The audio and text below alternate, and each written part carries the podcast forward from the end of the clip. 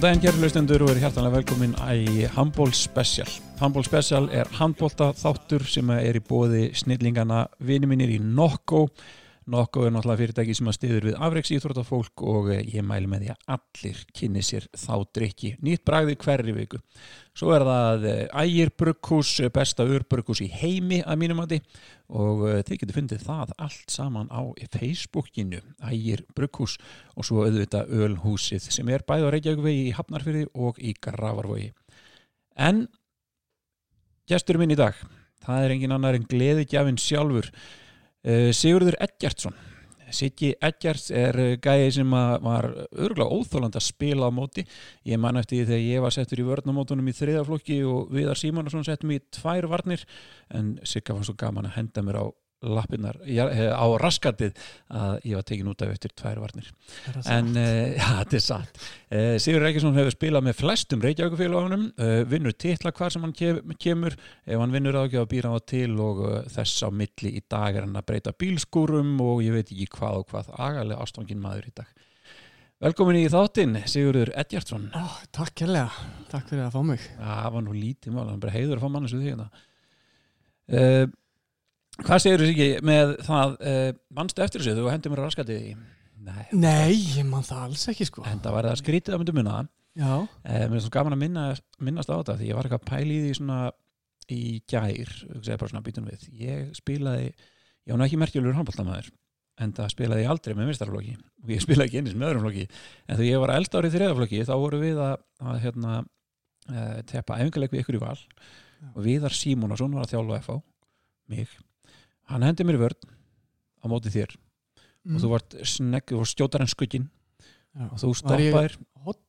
þú varst í hodninu og þú triplaðir boltanum fram með þig. Tókst vinstri, hægri, vinstri og ég fór á raskatið.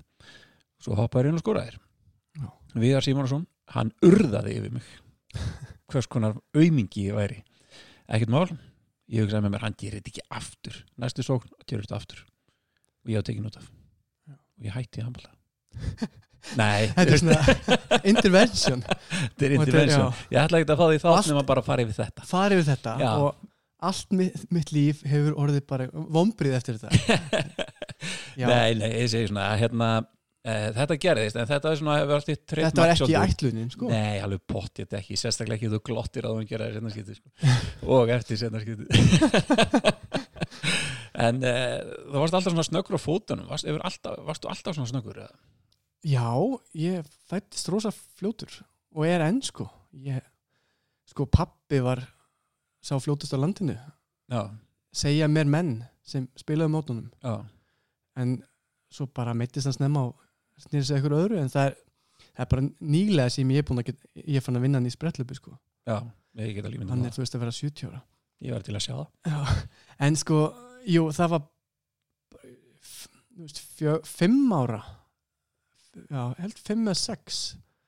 Þá var ég svona sumbúin borg og þá var ringt heim og einhver þjálfari spurði hvort ég geti eftir fókbólta mm. ég hef aldrei séð já, fljótt kvikindi. En það er einhvern veginn eina sem ég hef alltaf haft. Já þarna í lítið gert í því sjálfur sko. í þessu hérna, markerandi atviki úlings, á mínum úlingsárum sko, þá ertu hotnamaður, uh, svo kemur upp í, í meistarlokkina val, þú spilar með val uh, meir og minna framan af ferlinum og maður man alveg eftir þér bara mest og megnis sem valsara og það er náttúrulega valsari. Uh, svo ferða þarna í önnur Reykjavíkufélögu og hérna skreppur aðeins til Dammerkur og eitthvað svona uh, varstu alltaf hotnamaður eða hvena kemur inn í meistarlokkin? Sko ég, ég kem inn í mistarflokk sem hotnamaður en í öðrum flokki var þá þá var ég sko ég var aðeins byrjar að prófa að vera fyrir utan mm. var svo leiðilegt sko ég var alltaf farin að sko, spila með Markus í mánu sem horfði aldrei eins og inn í hotnið Nei. bara gaf aldrei hangað og, og ég var kannski ekki típiskur hotnamaður mér langar bara að fá hann og reyna að finna það mm -hmm. er ekki svona svífinn og nýt ykkur færi Nei. en svo var það í sko átjónar landsliðinu að þá sem sagt uh, var ég að spila og ég og Baldin vorum báðir í vörðnum áttu króti og svo förum við upp og hann fyrir hotnið og ég ætla að fyrir hotnið líka og svo bara hann var hann var mm. en ég fyrir skiptuna og fyrir bara á eitthvað króta og fintan og aldrei grímstjálfur bara prófa að gera þetta aftur. Og ég gerði þetta aftur. Og aftur, ég bara, það gekk vel í þessum leik og þá var ég orðin skitta það var svona að skita Já. Já, það var mjög skemmtilega, miklu meira pláss og maður fekk boltan og eitthvað.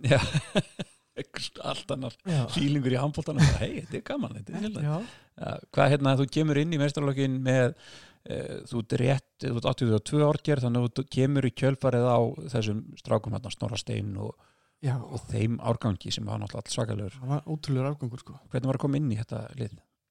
uh, bara fínt sko. Ég náttúrulega ég var daldið leit blúmer þar segja, þú veist, ég er alltaf pingu lítill og veist, þeir, þeir, þeir eru orðinir undraböld og bara búið að velja þá besta og efnilegasta.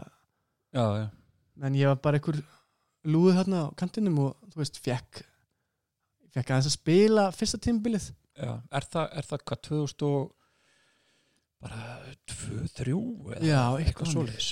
ég þurfti bara að fletta upp sko. í 2002 myndi ég giska sko. Já, sko ég var að, ég var að fletta þessu upp í, í, um, í vikunni og var svona að pæla svona hvena varst að koma inn og hvena varst að byrja á svoleiðis. Það var svona erfitt að finna eitthvað svona fyrstu leikina eða fyrsta tímabili eða eitthvað þannig en það er ekki fyrir þarna hvað 2004-05 þegar þið, þinn vinna hópur bara þið valstrákarnir eru komnir upp og eru búin að fá hann að Baldvin Þorsteins líka og fleiri Já. þess að þið eru bara farnir mættir og, og þið eru farnir að vinna titla og svona skýst upp á stjórnuheiminn svolítið ekki sko, ekki gott að heyra þetta svona sko, já ég það byrjaði sko bara fyrst þegar ég byrjaði mestrarflokki, bara fyrsta minn, ég held bara 2002 eða eitthvað neitt Mhm. þá var ég bara hotnamaður sko. Og uh, Samuel Örn var alltaf að lýsa leikjum. Og hann var alltaf ástfangin af mér bara strax. Já. og hæpaði mig mjög mikið upp miklu meir en ég átti nokkuð til að skilja sko. Já, fannst gaman að sjá eitthvað fyndara í hotnum og eitthvað þannig að en svo svo var ég bara þú veist, varamæður þú veist, eftir ég var ákvað bara að vera að skitta já. Þá þú veist var ég daldið aftalið goggarunni daldin tíma sko. En það var náttúrulega eftir Markusi Markus og Snorra og Snorra og, og, og og, fleiri veist, Heimir kom hann líka Heimir Örn, já, Hjalti, Pálma og ykkur er svona. Já, bara fullt af gaurin fullt af svona hreinrættum skittum og miðumönnum og svo leiðis Já. Ef við hoppum bara, við fyrir svona við fyrir svona, við viljum tikka á þessum hérna, árum handbólta árum hjá þér í gegnum draumaliðið og við ætlum bara að fara yfir það núna að, að kíkja á hver eru því liði, var þetta erfitt val að velja þessum eða? uh, já alveg daldið sko. Hérna, ég lendi bæði vandræði með sko miðjumann. Já, þá, ég hef aldrei spilað með góða miðjumanni. Nei, og kannski er það veist, mér að kenna að ég bara var, var þú veist átti erfitt með að bara hlýða skipunum. Já, að því svona normal kerfi gangi upp að fá skiptu á flugbraut já, sem mér langar alls ekki. Nei, nei, nei, nei. mér langar allir færu bara einhvern veginn í burtu. Mm þannig að veist, kannski liggur þetta meira hjá mér hvað miðumenn virkuðu slækir fannst mér. ég sé allavega fyrir svona á þessu viðtali sko bara ég hef aldrei spilað með góðu er- byrjum á, byrjum á, hérna, byrjum á markinu. Þú velur það Róland Eratse já, sem heitir í dag Róland Valur Eratse já, mm, því hann var í val. Já, hann var í val sem betur fyrr hann var hann ekki í IBVF þá? Það svo skrítið hann hitti það. Val, Róland Íbivaf í- Róland Stjarnan hefði verið aldrei cool Stjarnan bara, Róland Stjarnan Mjög töff. En Hvernig, sko, hvernig var hann? það, þú ættir eiginlega bara að taka hann, er- hann er ótrúlega maður. Já, ég, ég, sko, ég Ah. þekki hann ágætlega. Hann kom í krigan hérna sem markmannstjálfari hann er alveg magnar það var, það er allt ótrúlegt við hann. Sko, hann kom, fyrst þegar hann kom þá, þú veist að hann er aldrei hæpar upp, þetta er einhver markmaður sem var bara einhver besti markmaður Já, og svo bara mætti hann heil æfing og hann bara varði ekki skot. Virkaði bara svona latur og bara nefndi ekki að bara svona, já, svona horfði dálítið á leikmenn og svona já, varði ekkert. Nei, æfing 2, skora engin bara aldrei, engin já. Það bara gerðist ekki og það og þá ekki bara, já, ok, við verðum að ráða hana gaur. Við ætlum að hafa þennan. Já, en þetta er bara besti markmaður í Íslasögunar sko, sem hefur, Komið. aldrei lögupátur að fá hann í, í landslið þannig líka á þessum tíma já, mér finnst hann aldrei ná sína alveg Nei, vera svona, veist, algjörlega yfirbyrðar eins og hann var stundum. Hann fekk einhvern veginn ekki, mér fannst hann aldrei fra- í landsliðinu fannst mér aldrei fá tröstið bara, herru, þú ert fyrsti markmaður. Nei, sem hann var bara alltaf alveg eftir Birki Ívari og- og eitthvað já. svona öðrum. Uh, það var sko hann hérna, og svo fyndi maður. Ég elskar Rólandur Ratsi sko. Já, hann, já. hann, hann var smá eins og svona strángur stóribróður við mig. Eða jafnvel stjúpfæðir já, og sko þú veist, hann var hann, til dæmis ef hann fekk ekki borgað bara var hann ekki þá bara, já ok, við þurfum honum. Hann, hann, hann bara, svona, bara reyndi að svona sparka eitthvað í borg, hann bara hreyðis ekki. Nei, og þú veist, reykt í hálfleik og, og svo var hann sko geðveikt harður gaur. Einhvern tíma vorum, vorum við í partí og Maggi vinnu minn uh, fann eitthvað svona uppstoppa skambissu Já. hjá Markus í mána. Og hjælt svona Róland satt og Maggi stóð yfir honum. Ben, bendi svona byssn á honum og sagði bara, já já Róland, what you gonna do now? One, two og við vorum veist svona átta, níu manns sem voru að horfa á þetta. Og svo bara gerðist eitthvað. Það bara, trrr, bara eins og í já, og þá einhvern veginn lá Maggi á gólfinu og Róland stóð yfir honum með nýja svona kassan honum og byssan með á hausinn á Magga. Og hann bara, þrý haha. og, og svona var þetta mikið hann var oft bara tuktamenn til þú veist, já. fúsir þú veist, sem er þú veist, 200 kíló Já. reyndi tíma að ráðast á hann bara pakka hann saman já. Þetta er, þú fokkar ekkert í Róland sko. Nei, Það er alveg, en svo er þetta svo ljúfu maður já, Þú indislegur spjalla við hann algjörlega sko. hann sagði snemma þegar ég var að reyna að vera skýtta mm. að ég ætti ekki að vera skýtta ég væri ekki skýtta, ætti bara að vera hotnamöður já. ég væri heldur ekki góður hotnamöður en svo var hann komin í loka ári mitt í fram sem bara einhvern veginn þjálfari og þá bara eitthvað, Siggi, you must take control. Bara, já, Já, manstu samt? Já, nákvæmlega. Hann er sko, hann alltaf búin að fara hann er búin að fara víða, ég meina, ég man þegar hann var hérna og, og það var hérna uh, kaupstríð á milli IPVF og stjörnunar, menn gengur bara hann og Tito Tito, hvað er það? Já.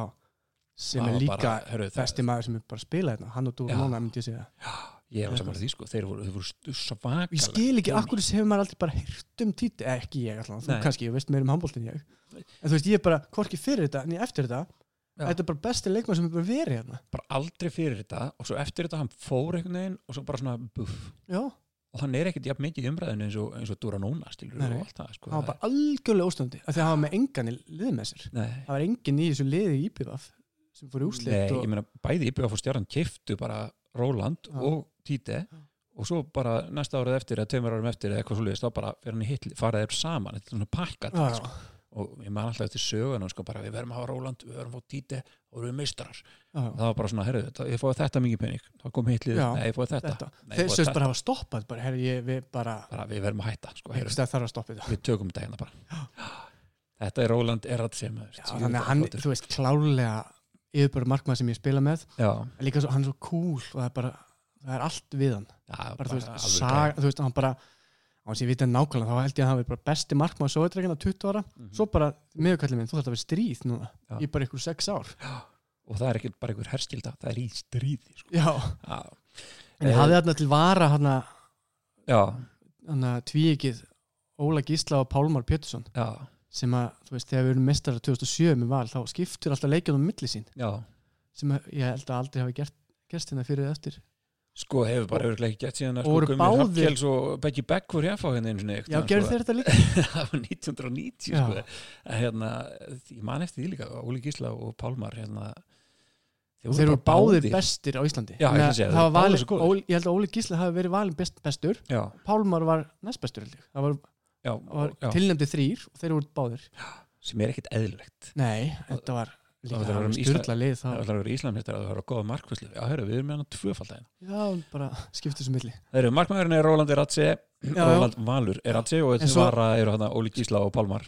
Já, þannig að já, ég ætla að varst að fara í haldu bara áfram, ég ætla ekki að fara að stoppa. Já.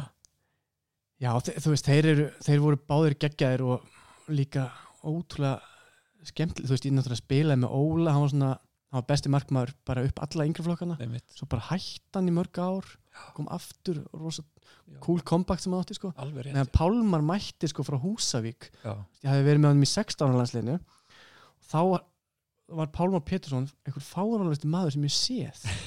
Bara sko klippingin og fatnaður og var alltaf í sundskilu í sturtu og, og að bara, hann var ógeðslega skrítin Já, og bara allt við hann var skrítin, svo var hann alltaf bara mættur að æfingi okkur í val, bara upp úr 16 eða eitthvað.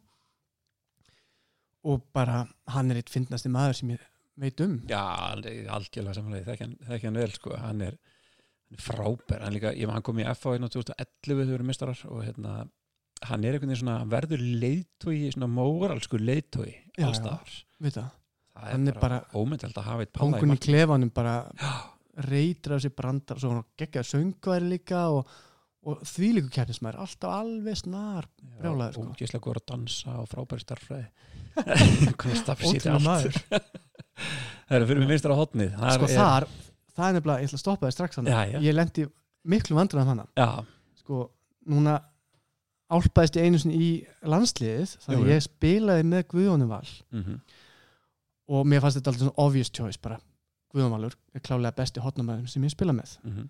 Veist, hann er bara eitt besti hotnamaður sögunar einmitt. Og ég hef búin að skrifa hann á blað og ég hef búin að senda þér. En þá allt í hennu sko byrjaði að fá símtöl. Byrjaði að fá símtöl bara bæði á nóttunni og uh, svo sá ég að það var það var fylst með mér hvert sem ég fór. Já. það var einhver maður einhver, eins og var í spæjar eldi mig út um allt ég skildi ekkit alveg í þessu fyrst sko og þú veist, svo sá ég að búið að hakka tölvupósti minn og dropboxi mitt og alls konar skríti í gangi já. og, og ég skildi ekkit og ég fatta ekkit að vera tengt þessu Nei, þar ætla ég fór að tjekka veist, hvaðan símtölinn komu sko. og þetta var eiginlega allt frá Namibíu Já. og, og þú veist, svo er ég ekki frá því að það hafi verið eitra fyrir mér á já, tíma já, já. En það var ekki fyrir en allt í núna bara um dag, rétt hérna ég, þú ert mjög fölur ég já ég er ennþá bara að ná mér sko, þetta Já. er, ennþá svona aðeins í hálsinum. Já, en svo bara lagt inn á mig bara risa summa og nú ætla ég ekki að segja eitthvað þú veist hverju þá að tengt eitthvað því að þetta bara kom sér rosa vel. En þetta breytti allan skoðum minni á vinstarhóðinni sem Já. ég er ekki alveg sammála lengur sjálfur mér með að hafa Guðjón Val. Nei heldur Baldin Þorstensson já, hérna, Káa legend. Já og, og Valsara. Já, og Og F.A.ing F.A.ing og, og alls og- konar. já, alls konar. Hann sem sagt já, mér finnst hann já, vera besti hóðnamaður, núna finnst mér það. Það bara, já, það gerist eitthvað þarna og, það var, gerist eitthvað í mildtíðinni sem létt mig átta mig á bara þessu. Já, Kanns- Þorstinsson er, er, er hotnamærn í sliði já og ég get svona re- reynt að réttla þetta alveg líka. Já, að sko uh, hann kom í val með dálítið leðil sko að ég var, þú veist, hótnamaður þá Já. þegar hann var að koma í val. Einmitt. Og Freyr Brynjas var þarna líka. Og þá eiginlega bara þú ákvæði að vera ekki hótnamaður lengur. En já, sko, við vorum saman öll hérna uh, landslegin alltaf, ég og Baldvin og skiptum alltaf leikjum mill okkar já, í hotninu þannig að en svo kemur hann í val og verður bara miklu betur en ég bjóst við. Hann er bara veist, skorar endalaust og já, verður miklu betri eða þú veist, hann er miklu betri hotnamæður en ég nokkuð tímann. Já, svona líka að vera svona hreinræktar hotnamæður alveg. Já. og svo var, Baldun hefði sjaldan verið skitta sko. Nei, ekki séns, Nei. hann, það var útrúlega vanda stundum reyndan að skjóta fyrir utan var hlóa allir svona því að þetta var svo laust að það var einhver lægi líkt hvað hann skýtur laust sko. Nei.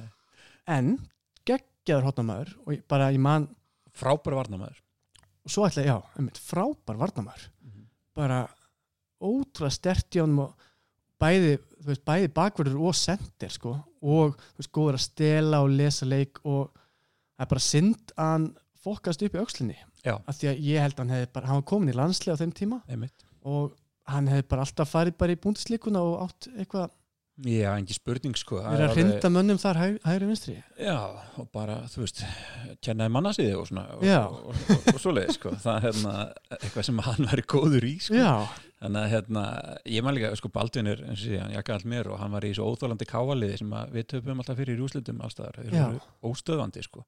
Og ég man líka þegar hann kemur upp í káa bara sem ungu strákur og allir Hilmas er að þjálfa og þeir vera mistarar hérna hann vinna sko, okkur sko. Já, vinna ykkur og hann tekur eitthvað víti það er bara víti og búið eða eitthvað og Baldvin setur á punktin sko. bara ekki málið, bara yngsti strákunni í liðinu. Já. hann alltaf skoraði bara og... Já, í þeim leik af því nú var ég hérna að spila en leik og það er til, þetta er þegar við áttum að vinna titilinn, algjör klúður. Og ég skal segja þér akkur við töpum þessum titli, það er það er önnur saga sér en sem sagt, að þarna kemur einmitt Baldvin inn fyrst hann skorar úr hotni Já. það sem að ég held að hann hafi alveg greinlega stíð á línu tók enginn eftir því, hann var aldrei gjarn á að stíð á línu því miður. Svo tók hann, tók hann tvö viti og fyrsta vitið þá voru allir rólandi markinu við bara hann hausar alltaf, hausar, hausar. Og hausar hann ekki en svo hausar hann í setna vitinu Já. mjög cool sem Mjög bara, cool. veist, 17 ára að ra- hausa Rólandi Ratsi í úrslitum það er Grjón. áránlega cool sko. Það er, við höfum það um Baldin Þorstursson um, en til vara Guðjón Val til vara, Guðjónvall það er hérna og, og hérna um að komast að því hvaða menn voru á gluggan með þér og hvað, þessi já, ég, og, þetta verðist nú allt vera horfið núna þetta, bú, þetta þetta er búið sko já, en þetta var óþægilegt, þetta var rosa óþægilegt ég get alveg með það sko. já. Eh, og sko já, þú getur kannski séð að það er með þess að YouTube þáttur um mig sem er ekki, ég, þetta er ekki satt neitt sem kemur fram þar, þetta er algjör nei, ég myndi bara því var að googla þig og svona í gær sko. Í já, þetta er YouTube. sponsorað þetta er sponsorað um alltaf þig koma sko. vídeo af mér og, hérna, og mikið af það eru mikið af myndum af honum í hotninu veist, í þessu, já, já, í þessu vídeo, kannski það sem kveikir á sig þar já, bæði það og og skrýtna myndir að mér að gera eitthvað sem ég bara ger ekki nei, get strax, þetta er ekki ég nei, þetta er ekki þú ég get alveg en, já, það sko. en þú veist, eftir að þetta komin á reikningu ég er búin að ná mér að þessum veikindum þá er ekkert kannski meira um þetta að segja Nei. bara, þá bara færa ykkur vinstri skettu Já, minnstu skipta Hva, Já, hvað sagði þar? Ég Ég spila MMMM. ágætis Já, MMMMM Hann hérna, ég valdi hann Markus Mána okkar Sko, ég var með hana Robert Rostað Horsten. Horst Já, hann hérna að því að Robby er sko Það- hæfileika ríkasti maður sem ég spila með. Já. bara hluti sem hann gætt gert eru ótrúleir Mhm. og bara já, ég eil bara synd að hann hafi ekki farið einhvern veginn lengra heldur hann þó hefur gert. Já, við byrjum á sko, við byrjum kannski að sá Markusi að, þið eru svona aðlist upp saman þannig í handbóltanum uh, og hann er í skittunum á undan þér. Þegar þú kemur sem uppnum hotnamaður já, svo ferðu og reynir að vera skitta þá er hann alltaf undan, undan þér og svo leis þannig að eins og þú segir og er svona late bloomer í þessu. Já, uh, Markus Máni og, og Snorri Steinn Mm. sem er að kannski bara segja strax að Snorri er á miðinni Já. að hérna að þeir voru alltaf svona veginn. Já og svona já. tvíeiki. Það var alltaf bara, maður vissi allan tíman bara frá því maður var krakki, Snessi, hérna Snorri Steinn uh, og svo hérna Markus Máni þeir verða geðveikir. Já, já, uh, sem bara raunin var sem raunin var, og svo, sko. þú veist, vorum við líka í fótbolta saman sko. já, við vorum líka, þú veist SO-mestarar og sjálfmestarar eða hvað sem þetta heitir nú, veist, í eigum og akkur þeir voru líka besti þá.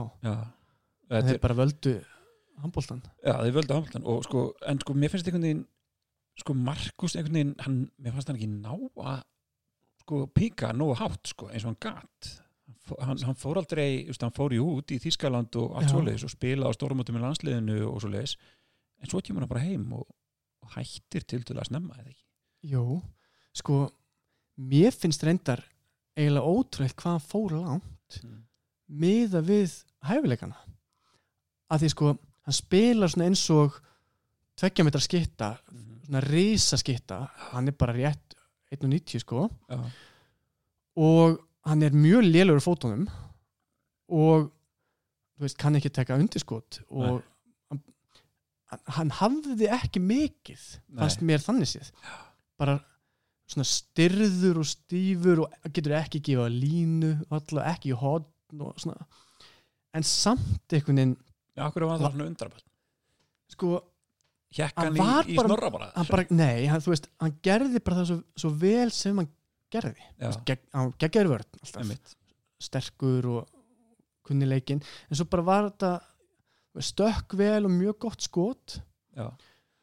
og það bara hann En bara er- masteraði þetta aldrei Já, þetta, þetta valslið sem að þið verðið hvað, meistarar hérna 2007 sjö, já, 2007 svo byggameistarar 2008 og 2009 já, og kannski eitthvað meittur þá líka á eitthvað sliðis Eh, þetta Já, 2007 lið. alltaf mittur sko. Þetta 2007 lið sko, það, það var svolítið svona það var rosalega mikið valsstrákum í því liði. Þetta var bara, þetta var þú og, og Hjalti Pálma, Ægir Rafn hérna, þessi stóri sem mannst aldrei hvað heitir og hérna uh, Markus Máni og, og fleiri. Hvernig var að vera í svona það var svona mikið hjarta í þessu já þetta var, þú veist, þetta var geggjað ár. Þetta Já. var skrítið sko, við vorum að spila í löðasöll því að var verið að byggja valsemilið já, þeir voru svona flakki veginn eða Já, flakki, stundum að seltetnesi og já, þetta var allt svona löst í reipunum.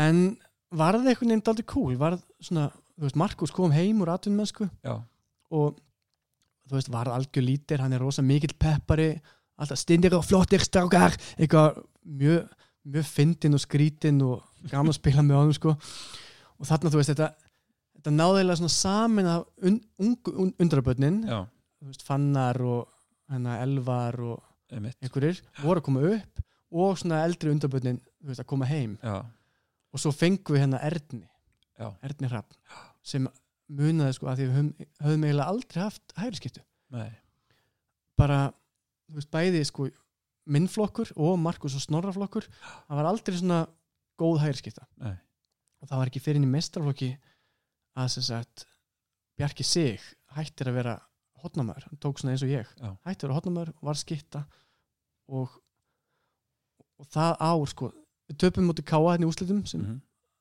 en árið eftir þá voru þeir allir árið betri bara þeir voru bara kjúklingar þá. Já, já, þá voru, voru við algjört yfirbrálið Já. og fram að jólum höfðu við unni alla leiki unni bara allt og Bjarki sig var markastyrdeldinni og stóðsendingahæstyrdeldinni Já. og var bara ótrúlur og við varum komin í undrúnslið byggar svo bara var hann ekki í landsliði sem var algjör skandal Mhm. var þá á æfingu hjá okkur og sleitt crossband. Já. og eftir það bara töpuð öllu.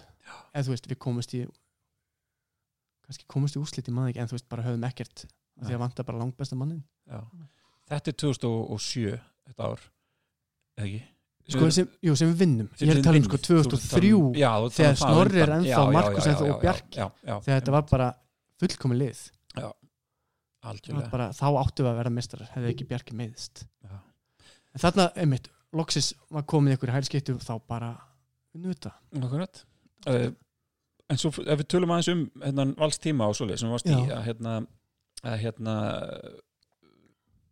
þú ferð í einhvern svakalega meðsla pakka þú spilar ekki í heilt tímabil bara bara aldrei Já, Eiginlega. ég sko, ég fór í aðgerð ég fari, hvað, 13 aðgerðir ég held ég að fari aðgerð fyrir eða í einast tímbil nema bara síðustu fjúr ár já.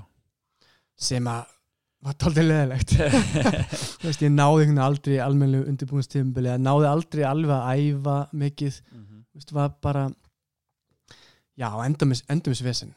Þetta er Já. sko en, en þú segir nefnilega hérna grófi upp hérna á tímarit.is sem er náttúrulega bara algjör gullmóli sko. Það er hérna að þú ert valin í landslið þannig að 2006 já, þú, þú sko, þú spilar hvað 11 landsleiki, eitthvað já, 12, eitthvað og hérna flestir eru bara hérna í kringum EM í Sviss 2006 Já. Viggo Siga þjálfa og, og, svoleiðis og, og þeir meiðast logi og hérna hver var annar í, kannski Markus eða geta alveg verið sko. Já, já, þeim allavega Held tveir sem það. meiðast já, logi og Markus örgulega líka já. Og það er tekið viðtalið og þú ert valin í hópin já, kemst í lokahópin nýlið í landsliðinu þegar maður valin í hérna, svona æfingahóp. Og þá kemur viðtalið það sem að þú menn verður að læra meiðast á réttin tíma. Já það er það er alveg rétt. Hvernig var að vera í landsliðinu á, hérna, á stormóti með Viggo Sig og, og félögum sko, það var stór skrítið sko og indislegt bara ég ótrúlega þakkláttu fyrir að hafa þú veist, fengið þennan mont rétt að geta alltaf sagt ég hafa verið, verið landslismæður þóttu Já. kannski áttu það kannski alveg skilið. Það- þetta er 2006 sko, uh, sko mótið er hvað, 2007 held ég. Já, Já, mótið er 2000, janúar 2007 og valin 2006 hann í lokin þú ert kannski búin að, búin að eiga tvö tímanbili mestarlokk sem er eitthvað svona já, afgerandi já leikmaður. þetta tímbil sem sagt var einmitt ég náði bara undirbúinstimbili Mm. og þetta er tímbili sem að hennar er Bavu? Hann er svartur, Pingu lítill. ég er fullt að sögum á honum ótrúlega maður. Bara- ráða maður. En sérst, hann kom inn í liðið já, og þá var sérst uppstætningi fyrir utan hann og Hjalti Pálm á miðinu og ég skitta já, og þá allt í hennu uh, lærði ég að fara utanvert. Ég Já. hefði bara alltaf farið inn á miðju. Mhm, það var bara svona 15 mín. Svo allt í hennu bara svona allt í hennu náði að mastera í báðar áttir. Já. og mér fannst ég bara óstöðandi. Sem ég einhvern veginn var í fyrstu þrem leikjunum. Spila bara þrjá leiki. Mhm, og Viggo var á fyrsta sem við unnum, F, eh, unnum HK og þá skoraði ég eitthvað 12 mörg og hann var sem petur fyrir honum. Og svo var hann líka næsta þegar við keftum þetta haugum sem gekk líka voru vel. Og en þar ég held ég hafi bara spilað tvo leiki og þá var ég valin aðslið eftir það. Já, en var það búin að rífa eitthvað já, þannig ég gæti ekki verið með. Þetta var þessum haustið. Já, já, já, og þá kom í staðin fyrir mig sko heldur Baldvin. Þorstins og Ernir var líka þá þe- þeir eru nýlegar já, og sem betur fyrir einhvern veginn endaði ég ekki þessu þá að þeir fengu báðir Kossaviki já, eða hérna já, og bara glimtu lengi við það. Baldvin mjög lengi sko bara einhver ár.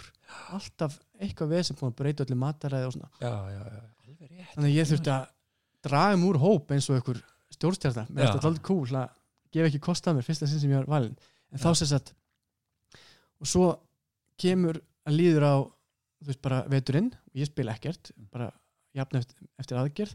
Svo var ég sem sagt fárhalda ég var bara með fótinn upp á þú veist, ég var að læra fyrir ykkur próf. Já, og var bara alveg stokk bólgin og hafði ekki hreift minni eitt frá, frá, haust, frá bara september. Mhm, þetta var desember. Og það er bara stutt í að EM byrji. Og ég ringi Viggo sig Já. ég bara spyr bara er ég alveg út um myndin hjá þér? Og hann segi já, þú, þú ert ekkert að spila, ég hef ekkert séð þig. Ég, bara, ég er að fara að spila næsta leik, ég er bara rosa fítn og bara, já ok ég, ég kíkja á hann. Þannig ég skell, skell á og svitna öðruverðinni og ringi í Óskapjarna og hérna uh, gæti ég spila næsta leik? Og hann bara getur það? það, það held ég ekki. Ég, þannig að þá hafði ég ekki farað neina æfingu. Nei, og, og var bara alveg draghaltur. Og, og, og sérst fór á eina kvenna æfingu.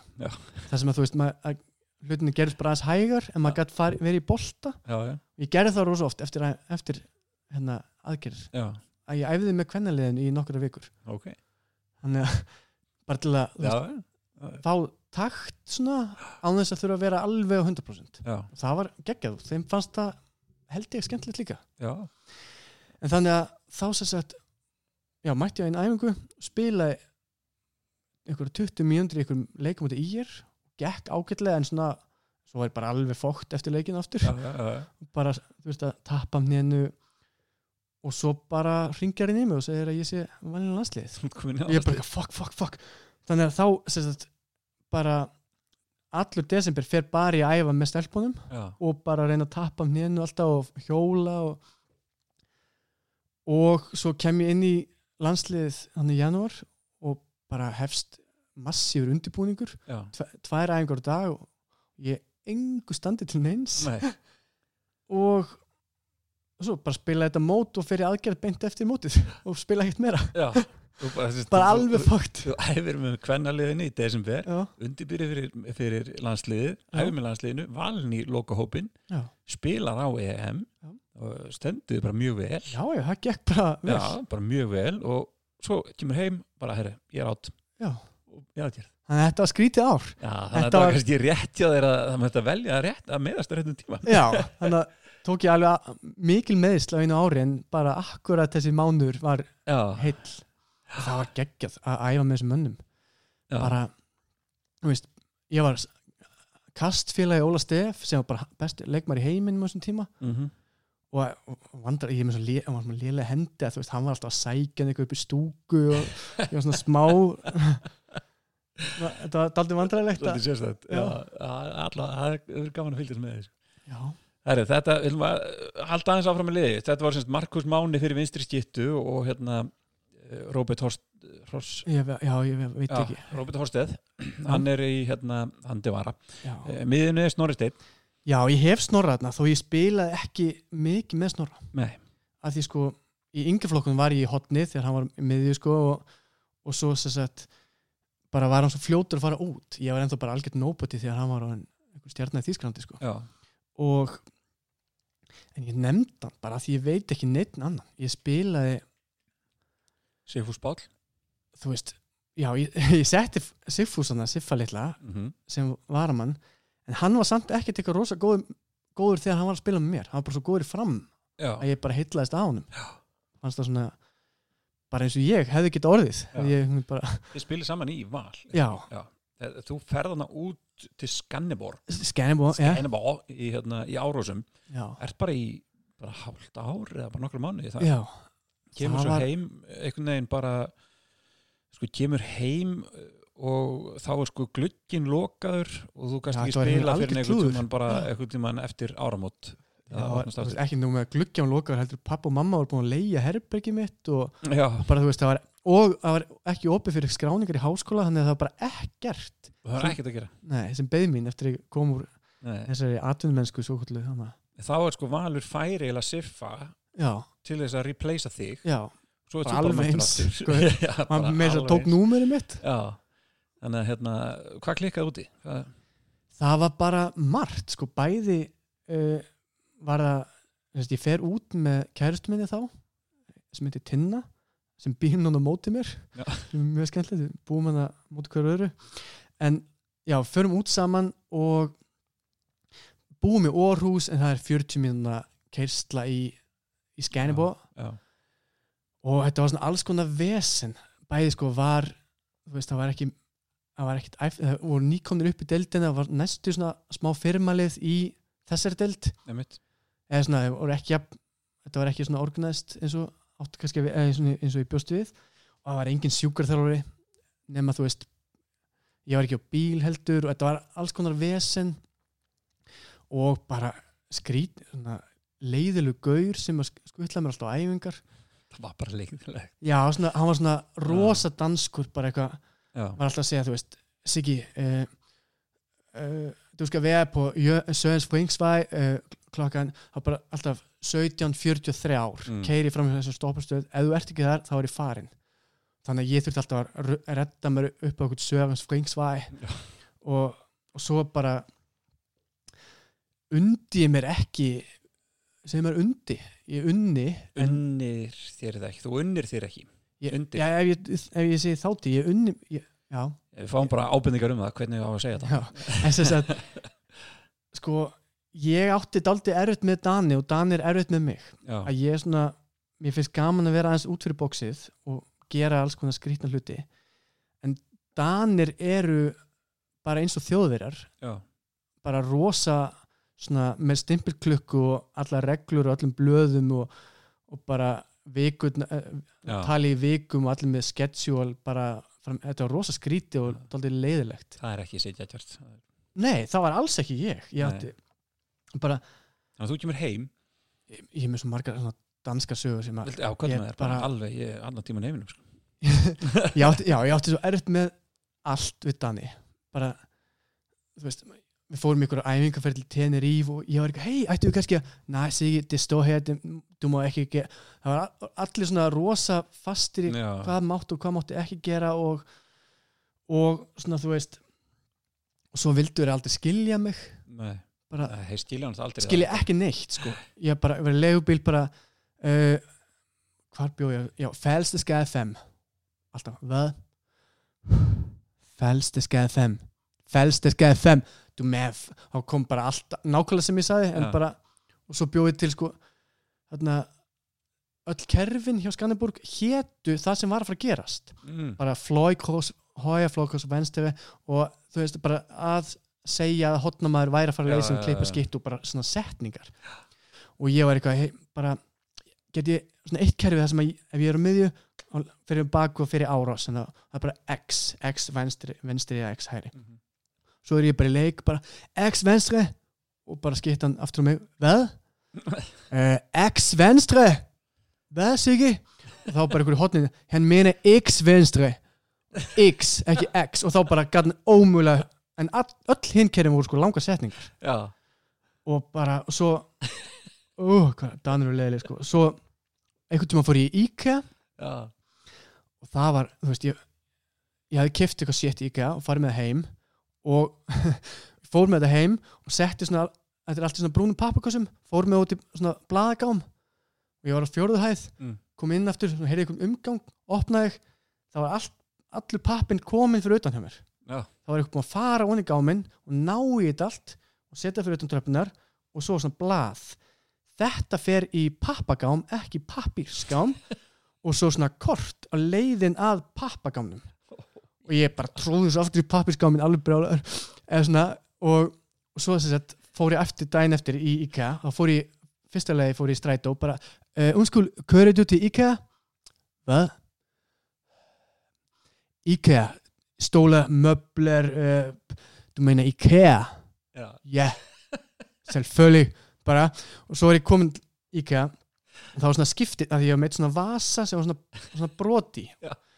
og, og ég, er, ég er mjög góður að skipta vörum. Er að þú veist, ég, ég hef gaman að því og ok. bara að ég- er svona að reyna nálgast að falla. Ég er bara svona, ég kurtis, ég er svona að kvolpa aug og reyna og það bara skipt ótrúlustu hlutum. Mhm. notuðum ég kannski mörg ár stundum. En þarna var ég búin að æfa svona sögu bara og, og ég kem inn í skiptisalinn og það er svona fjórir svona counters, afgriðstu afgræslu menn, já en svona stór hvítu salur og það er enginn inn í hann og það er eitthvað númerakerfi en þú veist, það er enginn hann þannig ég lappa bara einum einni afgræslu stúlkunni sem situr þarna. Og ég er eitthvað, uh, já, góðan dag, góðan dag og bara búin að læra þetta allt á dönsku hvað ég ætti að segja. Já, bara, þú veist, jeg, jeg var her ikke og jeg har købt en vas þú veist, ég kann ekki alveg dönsku ég var, var hún ágættur í dönsku þá? Þetta er alveg stílstæli gott að segja Já, sko. maður myndi halda það alveg já, og ég var bara útskýrta, þú veist, ég kefti þetta í gær ég er þetta með kvittun, sjáðu, hérna, hérna er vasinn og, og ég þarf ekki pening, ég vil bara innegnótu að því að fara að kaupa meira bara let dælulega ganga og svona brosti og rosa cute, held ég. Og ég var búin að segja þetta allt hún segir, en númer og ég er svona "N- ah, næ, unskúl, þú veist, ég glemd að taka númer en veist, það er enginn hérna en, og held áfram, en sko, gæti ég ég kan ekki, ekki hjálpa dig hvis du har ekki númer? Bara, þá gat hún ekki tala við mig nema ég væri með númer þannig ég svona horfði á hana og svona bakkaði og horfði alltaf á hana bara bakkaði alveg endasallis ítti á svona nei, nei ja, nummer 14, hvað kann ég hjálpa þig með? Bara uh, þá bara, þá bara fór alltaf á ennsku bara, yeah, I bought this yesterday og bara misti alla þólum hvað kann ég hjálpa þig með? Bara allt það sem ég var að fokking segja bara fyrir einni mjöndi og það var bara, svona var svona Danmörk var lífið, svona var atvinnum mennsku fyrirlið Já, og þessi gauð sem skuttla mér alltaf æfingu mm. var svona rosa mikil rasisti alltaf sá okkur svarta Siggi, skal ég köpa heim? Eitthvað, bara næ, ekki gera það. Og veist, já, rosa skrítin og einhverju innflytundur alltaf að tala illum alla. Já, og ég var alltaf í 40 minútur, nei 80 minútur fram og tilbaka með þessum manni hver með einasta degi. Og svo, þú veist, hann að skuttlaði mér alltaf út á einhverju stoppustuð alltaf langt í húsið.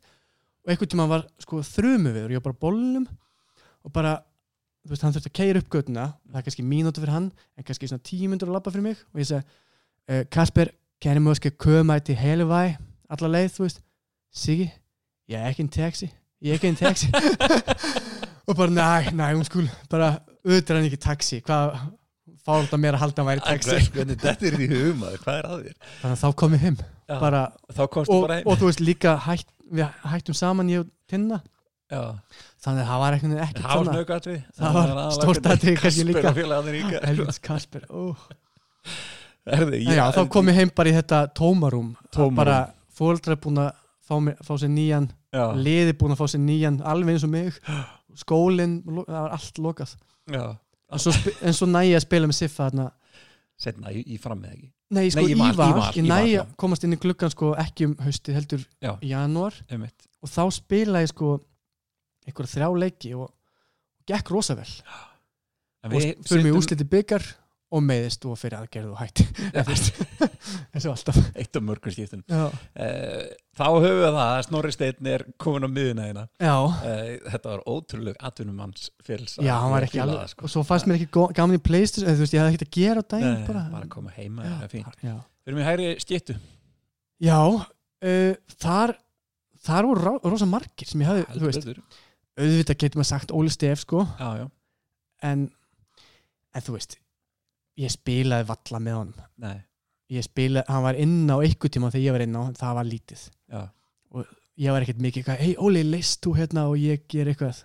Bara alls ekki neitt. Ég, ég var bara svona skjálfandi réttan boltan og vonandi ég myndi hitta á hann auðvitað við hérna þessar sendingar í kastfélagin í uppbytun. en, og svo var ég með hérna Jóhann Gunnar líka sem hugmynd sko, Mhm. hann að ræðið hans hann Mm. sem er, hann er líka fyndileikmaður bara ótrúld hvað hann var góður með hvernig, hvernig bara lítur út. Þú veist, að sjá hann einhvern svona mjór og renglur og, og sjá hann í öðrum íþróttum er alveg fáralegt bara þú veist, er, er ekki íþróttumæður. Nei. bara engin íþróttumæður. Og bara, þú veist, aft, fóri fram að hann var aftastur í útlöpunu, ég og ægir og hann, hún er lang aftastur Mhm. var ekki fljótur. En svo er hann sko besti leikmaður að já, svo er hann alltaf bestur. Alltaf Bara- bestur. Bara geggjaður í handbolta. Já, og samt var þetta samt var hann búin að eðlikja aukslinu og gæti alltaf skotið. Þegar hann gæti skotið, þegar hann bara kom upp 19 ára, var hann ótrúlur já. Ég maður það, þegar framtíminn hann þegar hann og Rúna Kára saman er já. en þá var hann búin að slíta aukslinu þá var hann út sko. Þá enda var Rúnar spilaði Rúnar svolítið þá sko. Já, já. en bara þegar hann og Siffi kom upp og hann gæti bara Já. dundra, hann var bara með 15 morki leika mútið selja lask bara einhvern í mestardildinni þannig að, þú veist, hann var frábær en hann kjænst ekki liðið hann kemst ekki liðið Ernir kjænst ekki heldur liðið nei, Ernir var mjög góður líka.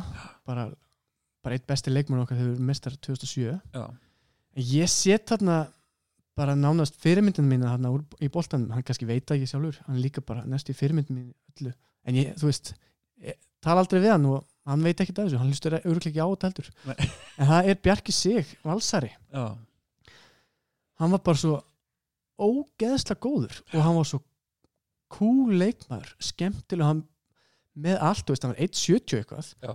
en bara, hann var að skora uppstökkum og undirskotum og fyndum og og bara var langbæsti leikmaður já á Íslandi þegar hann bara sl- sleit. Það kemur upp sko, hann kemur upp og þá strax fær hann stimpilinu það þetta er bróður dags, þetta er já. dags sig, bróður dags, nefnum bara helmingi minni helmingi minni og bara það var ekkert líkt í þeirra leik sko. Nei, það bara og leikmaður. var með svona sög af snar geðveikur sko, endur, fekk raukt spjalt og hann reyði að dómarum á það og bara eitthvað hann var alltaf að missa sig. Og alltaf Já. bara alveg trilltur. Já, og hann, þegar ég kemur upp þá var hann hotnamaður og ég, skipt, og ég hotnamaður líka. Hann ég spila mótum með æfingu. Mhm. og ég fyrir æfingu fyrir að prófa að finna hann hann bara svona lemu með eitthvað. Og ég svona fyrir gólfið og bara svona stend upp og segja ekkert og bakka út. Og hann bara raunar yfir mig bara, Mm. bara þú veist bara þú ert algjör aumingi. Já. ég bara lemni hérna og þú segir ekki neitt þú gerir ekki neitt og bara og bara svona já, hann svona daldið bjóði þetta til í mér að þú veist, ég bara smá eftir þetta, þú veist, ef ég var lamin þá svona, þá peppist ég allir upp og fór aftur á hann og bara þú veist eins og ég lendi sem ég- móti FHM eitt, hjörtur hérna, hinn Hinriks. Snar, geðugur já, þannig að ég fór á hann og hann bara svona lamdi mig eitthvað og svo sagði hann, ef þú kemur aftur á mig þá drep ég og ég bara beint aftur á hann. Og hann bara hamraði andlitum mér og ég bara lá og hann fekk raukt bara. Sorry með þetta sig bara hvað er að þér hjörði en sem sagt, þú veist, með það svo gaman svona típur sem að, sem að kveiki þér. Já, og hann bara einmitt kveikti rosa mikið í mér og var einmitt hotnamaður og pingu lítill eins og ég og já, hann á bara alveg stíla að vera hann er, uh, líka bara þetta synd hvernig ferill hans fór. Hann átti Já. alltaf verið valin í þetta landslið hjá Gumma Gum. Já, var ekki valin sleit í svona ömulur svona milli jóla og nýjárs æfingu sem var enginn, í, já, ég man alveg hvernig það var hann var í hraðaplöpi og Maggi Björns Mag- Magnús Björn Ólafsson, vinnu minn hann elda hann svona hratt og hann ætlaði að snúa hann af sér. Þetta var bara, já, alveg skelvilegt og svo er mitt, kom hann aftur þú veist, hvort hann slita aftur svo mista hann alltaf tennurnar á móti þarna já, Uh, alveg rétt. Hjálmari í fram. Framarinn hann, Já. einmitt, sem var rauðþærið rosa aktífur á spjallborði á, í, val sem Geir Sveinsson Já. alltaf að hann var stjórnamæri fram á þeim tíma Já, alltaf að rauna yfir alltaf í nafni Geir Sveinsson þess að ég held að, eins og heyrði einhvern veginn á þess að ég veit hvort það er satt að Geir Sveinsson hafi bara fengið eitthvað til að bara, hver er þetta og svo bara Já. mætt hann til hans bara með hálsa þetta þú Já. veist, poppað út bara, þetta hættu þessu það, þetta hætti bara allan eftir það Já. Herri, förum við yfir í hægra hotnið Já, Arnór Þór er ég ekki með Adam Mal bara? Já, Mal. Já, Addi, hann bara geggjaður hotnamar og ógeðslega skemmtilegur strákur. Ljúfur og góður og bara eitthvað svona náttúru talent svona, Já, hann er eini í þessu liði sem er ennþá að spila. Já, er ekki? Svona eftir að varnamæðurinn þinn hætti. En Já. þá, hérna, þá er hann ennþá sem er eina að spila hann er, hann er þá í búndisleikunni Já, já, hann bara er fyrirlið landslýsin alltaf ógeðslega góður. sem, þú veist, og hann er einn og ekkert á hæð og Já, kann heldur ekki að finta sko, nei, sem er skrítið, þú veist, þú ert svona lítill.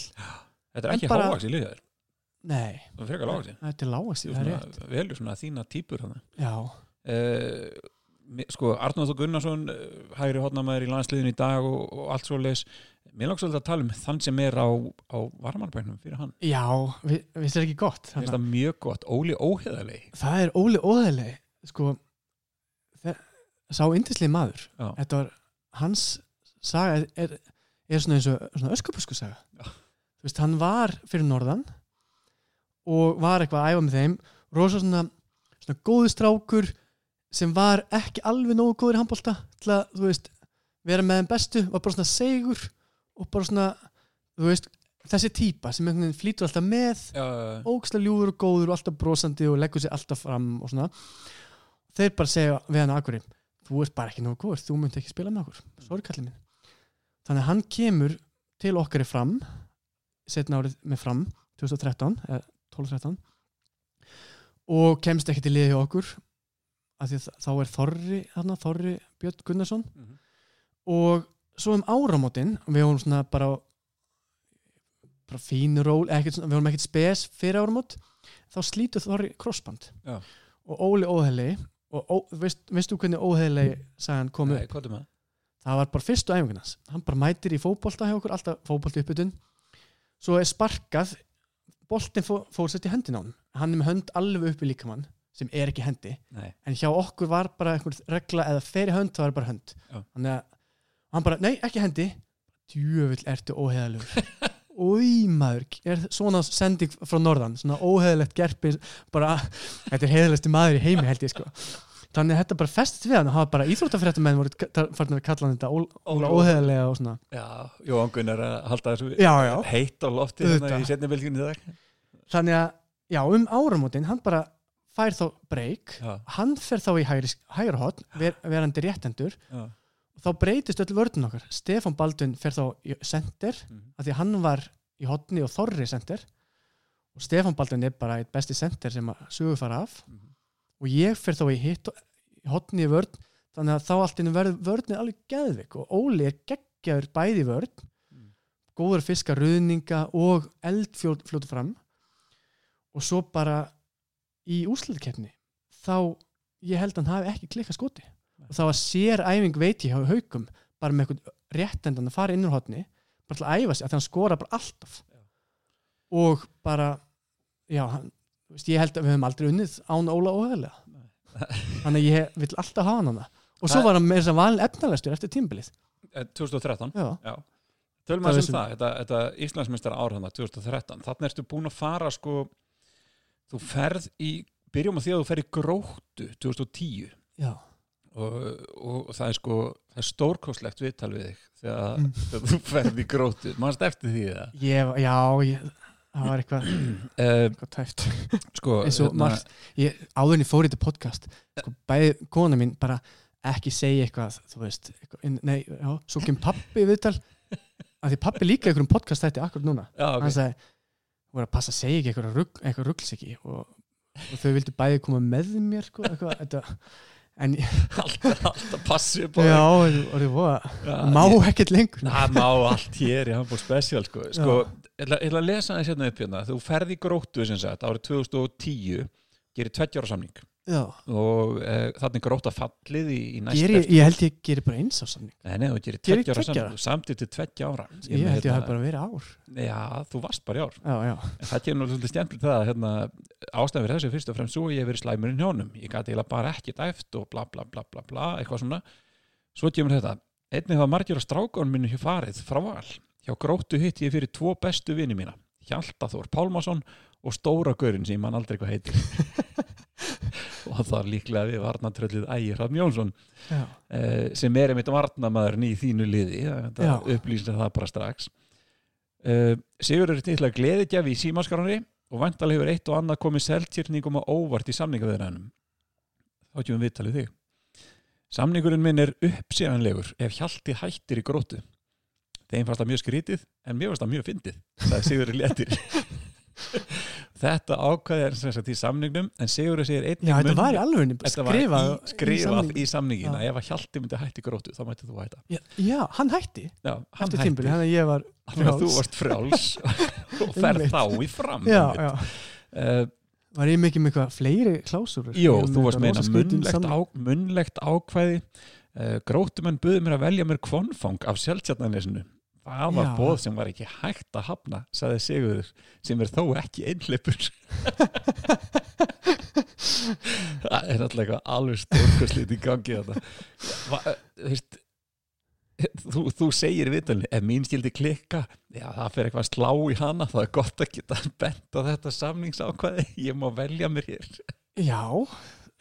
Maður, Þannig þú að veist það er þetta gott að Þetta er þegar þú ert að semja við grótu já, og þú ferð í grótuna til þessu bara að ná þér eiginlega meðslum og eða varstu bara búin að fá leið eða hvað það var margt sko. Bæði veist, hættu allir í Já, val á þessum tíma sem ég þekkti og ég var daldið slæmur skroknum og svo bara fekk ég pening þarna og bara hugsaði bara já, gaman að vera einhver stór fiskur, lítill tjörn, prófa Já. það að vera er næstastu deild og, já, hérna- næstu stild og, og með bara hjalta og ægi og einhverjum og bara þú veist, við unnum bara alla leiki og allt spila á föstudum og alltaf djama lög, eh, bara eftir leik og þetta bara það var eitt skemmtilegsta tímbli spilað. Já, ég get Hryllt alveg lið, ímyndað sko.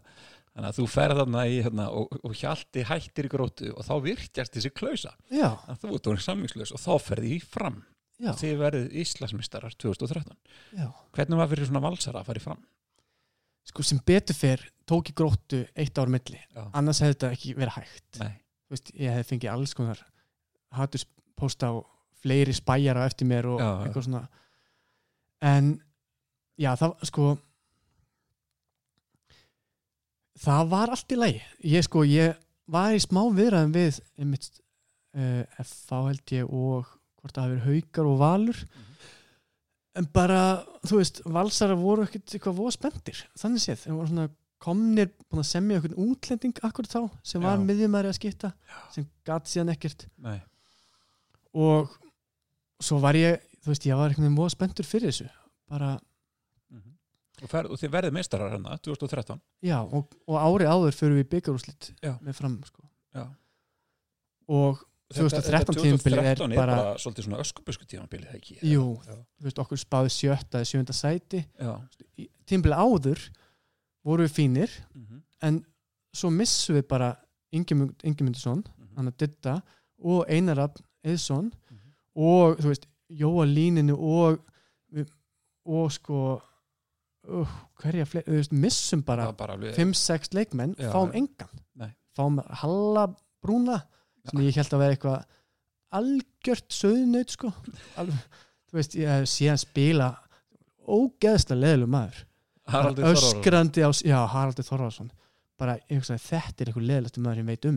Fyrstulega af hverju er hann svona litin bara fáraðuleg og svo, veist, var, var að segja einhverjum segja mönnum sínulega halda kjaftu, ég bara, ég ætla ekki að spila þessu gerpi, Nei. svo mætir hann algjör snillingur, indislegu drengur. Já, bara, bara forréttind að hafa fengið að spila með hann, Já. var geggjar þetta tímbil líka. Já, og ja, þetta var algjört öskubusku æfintri að því sko fyrir áramót þá voru við vorum alltaf þrýr fyrir utan, ég og Robby og Jói Mhm. og við bara svona skiptust á að vera mittir og vörðni var ekkert spes.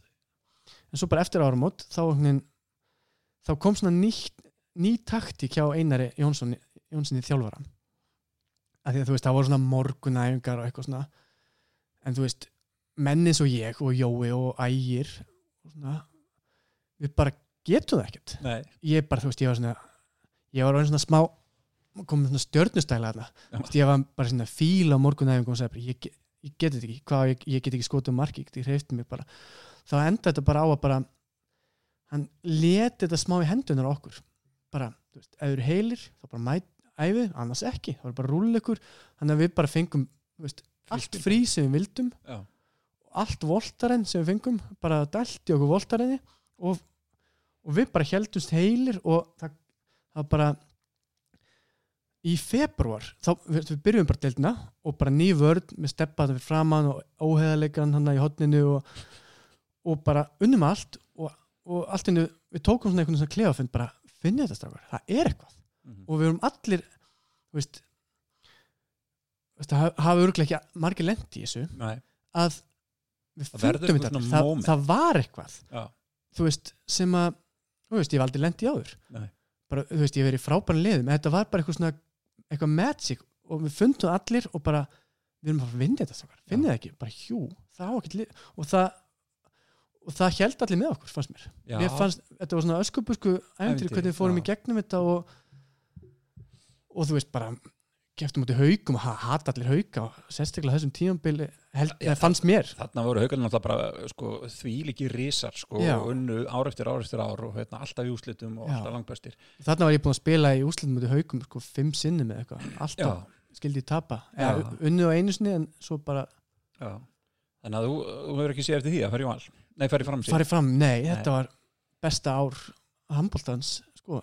Gróttu árið var ógslag skemmtilegt. Já, þetta var alltaf gaman í val en ég var bara svo góður. Bæði í gróttu sem var kannski svindl bara í fyrstu delt bara, það var engin leikur sem ég var ekki tekið um umferð. Nei. þetta var bara mjög skemmtilegt og alltaf fullt af fólki og svona stemning. Já, já. og trillt lið, við hefum bara verið með þeim efstu í efstu deild. Bara með Ægi og Mattias Matti Haugum og Hjalti Pálma og hann. Já, alveg það er allir bara tveir metrar Einmitt. og hotnamennir voru sko sko Þórir Jökull eh. Jölli Einmitt.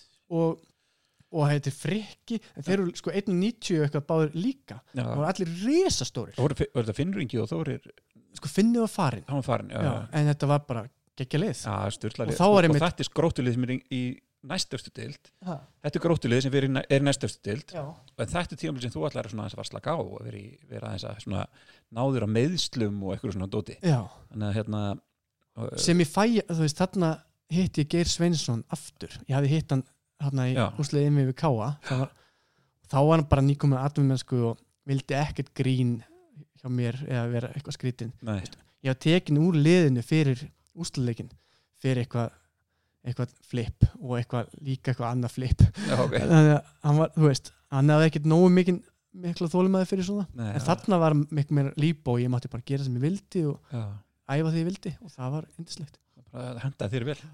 Uh, við erum aftur í liðið uh, við erum komið með hérna uh, við vorum búin að tala um það að, að semst ægir hrafn vinniðinn, hann er varnamæður liðsins. Já, auðvitað, Hann hann bara ót geggjað varnamör geggjaður varnamæður og hann var bara að hætta núna. Já, það er Það ótrúlegt er- miður sko, hann kom inn veist, hann náttúrulega bara köruboltamæður já, var efnilegsti köruboltamæður Íslands og ég held að hann hafi verið í landsliðinu eða eitthvað, já, eða það er valinn eitthvað Meina og svo mætir hann inn í klefa til okkar og segir svona, er, pláss fyrir einn nettan? Og treður sér.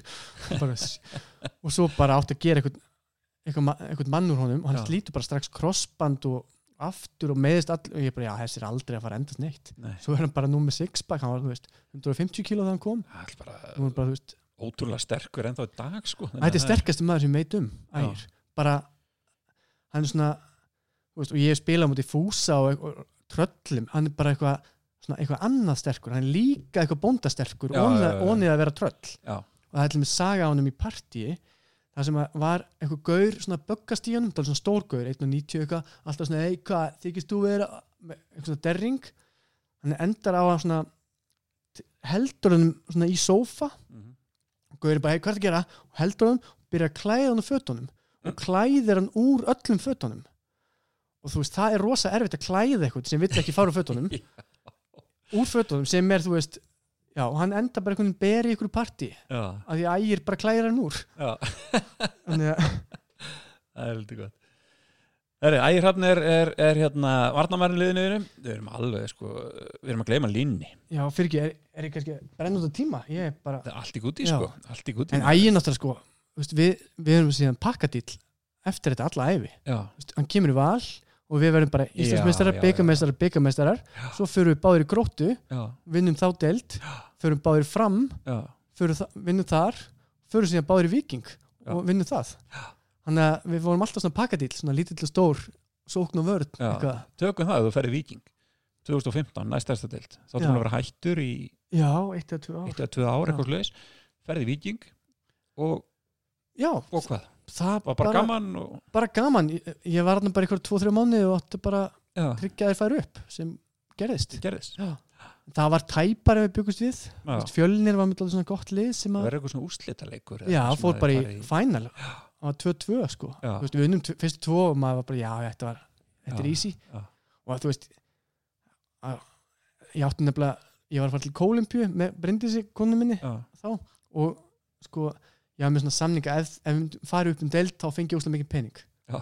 Þannig að Kólimpjuferðin var alltaf undir Þannig að í síðasti leiknum sem ég var mjög stressaður í. Já þess vegna En- fagnar svo mikið þið ferði Já, Þannig að þú spilar með, sko, þú spilar með Val, Fram, Viking og, Og sko, Gróttu. Reykjavík félagin og svo gróta á nesinu. Já. Er- en sko mamma mín sem fyrirleitt alltaf íþróttir og bara var alltaf að byggja um að hætta íþróttum hún, henni fannst þetta svo fallega umhverfisvænt hjá mér að ég spilaði alltaf með liðinu sem ég bjó. Já, Veist, meina ég- það. Veist, þegar ég bjó í hlíðanum þá var ég í val og líka þegar ég bjó í miðbænum. Já, þegar ég bjó, nú bý ég hérna í Fossói eða hvað, já, ekki stærra þar eða hvað heitir það, smáupp á hverju þá fór ég í Viking, svo var ég hérna Áltamirinn eða eitthvað þar, þá var ég fram og svo bjó ég í Vesturbænum og þá fór ég í stórliði í Vesturbænum sem er auðvitað gróta Svolítið, Já. vita allir.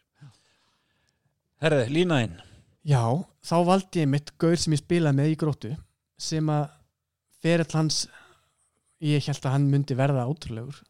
Hann, hann heitir Hjálmar kannski ekki margir sem vita hver það er. Sko, ég myndi ekki mikið eftir honum og, og hérna ég eiginlega man ekkert mikið eftir honum og síndi mig mynda á honum áðan og ég er svona bara, ég man eftir sko útlitun á honum hlutis. Já, hann er ekki sjón að sjá hann. En, nei, en hann sko Hver er þetta? Hjálmar hver? uh, hvað, Arnarsson eða eitthvað? Ég man ekki alveg hver són hann er. Nei. hann allan að ég held að hann þetta? í Viking Stór?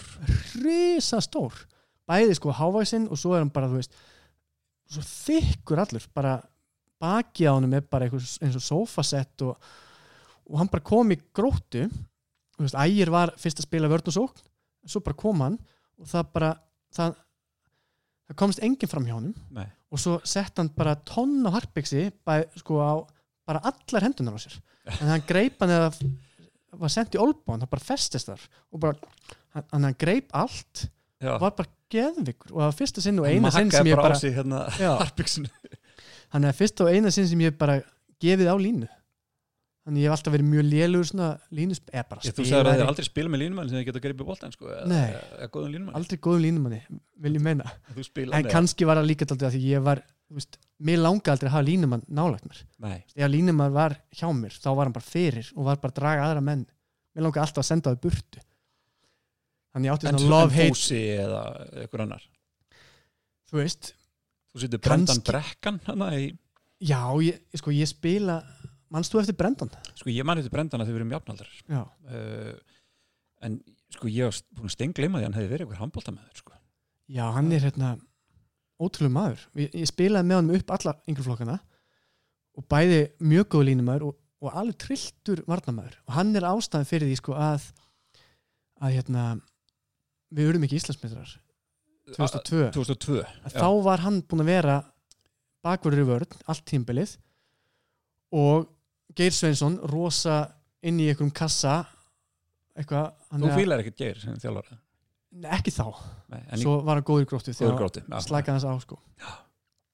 þá sem sagt mætti Brendan Brendan fannst nú gaman að skemmta sér og mætti oft svona kannski smákendur eða tæpur og svona lyktað um helgar og hann var það eru endast að sögum að Brendan sko. Já. Veist, hann, endar sem ykkur trúbótur og tónlistamæður og... já, ég bara, þú veist ég bara endilega googli Brendan Brekkan og hlusti á lögin hans þau eru geggjuð sko. Hann sem sagt uh, þarna mætir hann og hann er eitthvað að reyna að geta eitthvað sápu fyrir æfingu skóplu upp í sig eitthvað handsápu en það kemst upp og hann tekin út úr liðinu Já. og svo bara fer allt í gegnum skarðið sem fór, var til þá en hann er sko, hann var ótrúlega maður. Hann, er svona eitthvað svona veist, hann, ef hann glemdi sokkum þá bara spilaði hann ekki sokkum. Hann spilaði heilt tímabil sko í, í sko einum hlaupaskó af Snorra og einum hlaupaskó af Markusi og þeir voru ekki sama stærðin nei, nei, nei. Og svo einhvern tíma voru að fara í sko úslita einu við á móti haugum og þá þá er hérna, hei Brenda, hvað, þú veist ég var að sækja hann bara, þú ert ekki minni að skó nei, ég haf búin að spotta hérna skó í óskilamunum sem að mér leist mjög vel á. Og svo bara fór hann í óskilamunum og fór ykkur skó þar og alltaf bara, bara já, og tók pass ála svo bara rú- pakka hann saman. Þú veist, hann var alltaf spes og við byggum saman og þú veist, maður kemur heim þá var hann kannski búin að raða öllum húsgögnum upp á nýtt mm. út af ykkur byrta því hann að mála mynd. Og það var ótrúlegt fyndi að búa með honum. Og svo hættir hann bara já, þú veist, hann fer aðeins norður að spila og aðeins í háká að spila Já. og svo bara flosnar hann upp úr þessu. Já. bara, þú veist, finnst gaman að spila á gítar og, og við erum með hérna, Hjálmar sem er mannstíkur sonir og Brenda Brekkan á- saman á línni þeir svið skipta þessum öllu sinni já, ekki að gefa að leifa um það. Já, Þannig að sko liðið þetta er sem stannig að það er Róland Valur er, er að sé markinu Baldvin Þorsteinsson í vinstra hotnu og ætlaði náttúrulega að hafa Guðjón Val en en hérna út af svollu út af einhverju þá hérna, og hérna er að poppa upp núna hjá mér eitthvað svona alveg ótrúlega mikið af vídjum en, já, þetta er ekki rétt. áróðusmyndir en hérna uh, vinstri skipta Markus Máni uh, miðja Snorri Steinn, hægri skipta Bjarki Sig uh, hægra hotn Arnór Þór uh, Arnór Þór Lína, Hjálmar og Brendan vörn Ægir Hafn Jónsson og þjálfarinn sem er að þjálfarinn er í bóði Ægir Brugghús Ægir Brugghús er svona algjör gæða bjór besta örbrughús á uh, Íslandi og í heimi að mínum að já, er það? Já, ég myndi segja það, engi spurning Ok. sko og getur fundið Hva, alls hvað er svona betra við það heldur en önnur brukhús? hann bræðast bara miklu betur Bara- betra bragð bara? miklu betur, já, Já, ok. það er bara öllum þeirra Já, það er magnar. Ótrúlega, vitið þetta ekki fleiri? nei, þetta er bara, svo kemur náttúrulega eitthvað sumanum minn reikning skilur, þannig að það er Já, já, þau skunda virkar eh, Óskar Bjarni Óskarsson er þjálfari leysins já. Ég bara varð að hafa Óskar Bjarni. Já. Óskar Bjarni er bara, ekki bara þjálfari alls míns handbóltaferils, heldur bara veginn þjálfari lífsmíns. Hefur verið bara frá því ég kom inn í handbólta þar til ég bara fór út úr handbólta viðlóðandi og bara vinur og fyrirmynd og þú veist, þú veist nú, bara þjálfunar aðferð hans er Já. það sem ég nota bara sem uppbyldar að, aðferð fyrir öll þessi börn sem ég á og líka það sem ég nota sem kennari sko bara svona, þú veist, hann var alltaf bara blíður fyndin og góður maður vildi þóknast honum að því að mann þótti svo væntum hann Já. og þú veist, hann var kannski of næskur til að verða best of the best já, en hann var veist, viss allt um handbólta og var er bara, er stórkuslu maður. hann er svona búin að vera pottun og pannan í öllu þessum vals batteríi já, bara síðustu árin og bara síðan má mann eftir honum og allt það. Og það skiptir einhver máli hvað er í gangi. Hann er sko mættur á trommutan og fótboltaleik. Já bara til þess að peppa það bara og svo er hann bara mættur að þjálfa sjötta flokk Já. hennar og svo er hann alveg trilltur á hlýðarlínu og, og og bara svo bara sinir að spila að spila þarna og örgulega dætur og þú veist, konan hans er alltaf, þau lítur öll eins út það er alltaf fyndið, þau séð þau? Já, já. Bara konan hans lítur alveg eins út og hann og öll börnin alveg eins. Þannig að þetta er, En ef hann sko, ég hugsa oft sko, ef að Óskar Bjarni hefði kannski, þú veist, farið í annan lið að þjálfa eða eitthvað hann pröfa að fara út, já, hefði hann geta, hefur þú segður það fyrir, bara Óskar Bjarni þjálfari Víkings eða FH eða Hauka eða eitthvað. sko ég veit það, ekki, hann spilaði nögt um káa, var það ekki, ég held það. Jú, hann Fór sem eitthvað smá. leikmaður. er hann var hann var sko undrabann, Já, hann var bestur alltaf, hann Dagur og Óli kom upp. Hann var bara miðunni með þá tvo hliðna á sér. Já, einhvern tíma þegar það var búið að velja þá báða efnilega staði besta í deildinni þá var hann tekinur umferð í einhverju móti í Danmörku, hann var svo montin að því að lifið það lengi. En svo bara var hann ekki með alveg skrokk í það. Nei, sko ég held að hafi bara við synd að hann hann hafi lent í handbolta. Hann átti bara að vera veist, uppistandari eða eitthvað svona. Hann er já, getur bara tekið mikrofón og allir Alltilega. gráta og hlátri og bara þú veist. Aha. Það er alveg svona forréttind að hafa manni Já, bara er, og gæfa vera- að hafa kynst honum hann er vel að því komin að vera þjálfæri liðsins í, í búið ægir brukhús Já. um, Ég var með- Erfiðasti ég var með þarna varamann sem er sem er Dagur Sigursson, Sigursson sem er alveg trilltu þjálfari. Hann, hann, hann, hann fór, kom inn á æfingar hjá okkur í val nokkur skipti og það bara breytist allt. Það Já. komið bara eitthvað algjört alfadýr sem bara stjórnaði með harðri hendi og tempóið fór upp um veist, fullt af prósentum og menn börðust og það bara, maður sá bara já, ok, þarna er komið að, að, veist, þjálfari á heimsmæli hverða fannst mér, sem hann er og búin Já, að vera bara sem- frá því að hann byrjaði já. að þjálfa sko. þú veist, ég var samt fyrstur að fatta það. Þú varst fyrstur að fatta þegar hann byrjaði hann í gamla en við sko átt, við fórum, við áttum svona bíf í á dagur sko. Já, sko ég hef alltaf átt aldrei erfitt með svona alpha dogs sem er eitthvað svona öskrandi já, típur já, já, þú veist, ég vil bara fólk ræði við mig og veist, ég er alltaf léttur á því. Þú veist, ég er ekki að döja fyrir klúb ég er ekki að döja fyrir klúb ég er bara eitthvað í handbólta og sem sagt og hann mætir þarna, þú veist já, ég vil ekki meina að ég sé eitthvað alpha dog Nei, en bara þú veist en ég ég begi mig ekki alveg undir það endla mér finnst þetta raung taktík. Og svona einhvern tímann þá var ég á kvennaleik í fótbolta.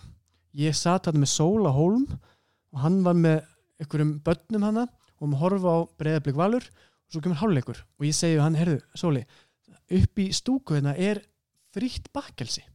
Ég ekki bara koma með fyrir ykkur? Hann var svona alltaf að vera aðal kallina því að Já. ég var svona þú veist, það var hérna 2007, 2008 eða eitthvað. Já, já, og þarna var sérst dagur orðið formar vals. Já, þannig að, og ég kem upp og þá er háluleikurinn að klárast og það er bara, þú veist, bakkelsi bara fyrir 200 manns þarna Já. bara, sem áttu bara að fara í ruslið og ég tek svona álbakka Mhm. og ég næ bara hérna tveir kleinur helmingar fyrir mig og sóla og börnin og setu bara eitthvað átta stykki á hann að bakka og ætla að fara niður með þetta og þarna stendur dagur alveg út úr alfaður bara eitthvað að springa úr testosteroni að ræða eitthvað tvo bankastjóra MP banka og eitthvað eitthvað, rosa svaka kalla. Mhm. það það var svona hann var svona að segja hvernig hlutinir væru og þeir eru svona, wow, er það svo? Já, eitthvað svona, eitthvað, svona þrýri kringum hann.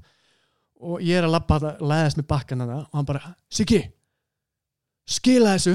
Og ég bara, "Nei, eh, ég er hérna, þetta er fyrir marga, ég er ekki hérna, hei, bara bara, bara öskra á hann bara skila þessu undir eins. Og ég bara, ég er ekki að að skila þessu bara, bara, bara sleftu bakkanum Siggi. Og ég bara, sleftu bakkanum? Og bara gang gang og snúðar og kleinuringir út um allt gólf og rosa sín, veist, allir svona horfðu og allir bankastjórnir bara hvað, hann er ekki að, stjórna niður hérna, þannig að ég bara hendi þessi gólfið bara, já, þú getur bara átt þess að snúða þeirna eða þið ekki svona væntu þá. Og ég kem niður, algjörlega snúðalaus og, og bara Sóli Hólm, bara hei, hvað, ekkert bakkelsi? Og ég bara, heyrðu, dísis, ég lendi bara í algjörðu, var að fara að segja þessu sögu. Þá kemur bara eldrauður Dagur Sigursson niður og við setjum sko fremst. Já. þannig að hann kemur fyrir fram á okkur og öll stúkan er veginn fyrir aftan mig að fylgjast með þessu. Og hann er bara veginn öskrand á mig bara um eitthvað sína respekt og virðingu og bla bla bla. Ég hef aldrei mikill sökkur fyrir svona respekt, virðing, eitthvað svona já, já, já. fyrir einhverju sem er ekkert eða þú veist, fyrir að fyrir einhverju ba- eða svona, ég veit ekki.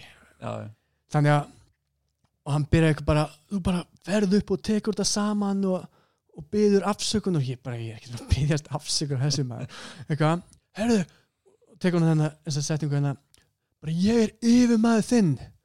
Og ég eitthvað þú ert ekkert yfirmaður minn, ég er liðið þú ert bara umgjörðin þá var hann alveg brjálæður og segir bara, þú færð ekki borgað fyrir en þú byður afsökunar. Já ok. Og ég er ekki að fara að byggast afsökunar á hendis með snúðum. Þannig að svo bara byrja tímbil ég bara mæti ekki æfingar af því ég fæ ekki borgað. Nei. og Óskar byrja alltaf, þú verður að mæta æfingar. Já, bara um leið og Já. svo bara einhvern veginn er þetta einhver pattstað það er alltaf bara þú veist, er búið til eitthvað sáttar fundar þannig að veist, það sem að Nei. við bara komum saman og veist, já, eitthvað tökust í hendur og föðumust og föðumst leik og eitthvað svona. Verðum vinir. Já, sæll. En þannig að, já, þetta var smá bíf svona byrjun öruleikar hjá okkur. Út af okkur, út af okkur bakkelsi. Já, allt eðlilegt við þetta. Já, alveg ég hendi stundum á hann eða hann á ammæli svona á Facebook til lukku með daginn snúður eða eitthvað svona svo og- gott sko. en, en svo, þú veist, ég hitt hann úti eftir þetta og bara, þú veist Já, já, ekki Geggjaður. reistir ekkert síluru þetta var fáránlegt, fannst mér. Já, ég get alveg rétt ímyndi með það sko. Herðu, höldum áfram. Uh, Dagur Sigursson er varaþjálfari. Hann er ekki, er ekki aðstofþjálfari, hann er varaþjálfari já, Það ef Óskar eitthvað, gerist eitthvað fyrir hann. Uh, Erfiðasti andstæðingur? Já, Þú ég átti smá hérna- erft með þetta. Ég, hérna, Ernir Hrafn svolítið erfiður já, svona ég, það var hérna 2007 tímbilið sem að ég var alltaf eitthvað að reyna að finna hann og hann bara svona, var búin að lesa mig fyrir, eða svona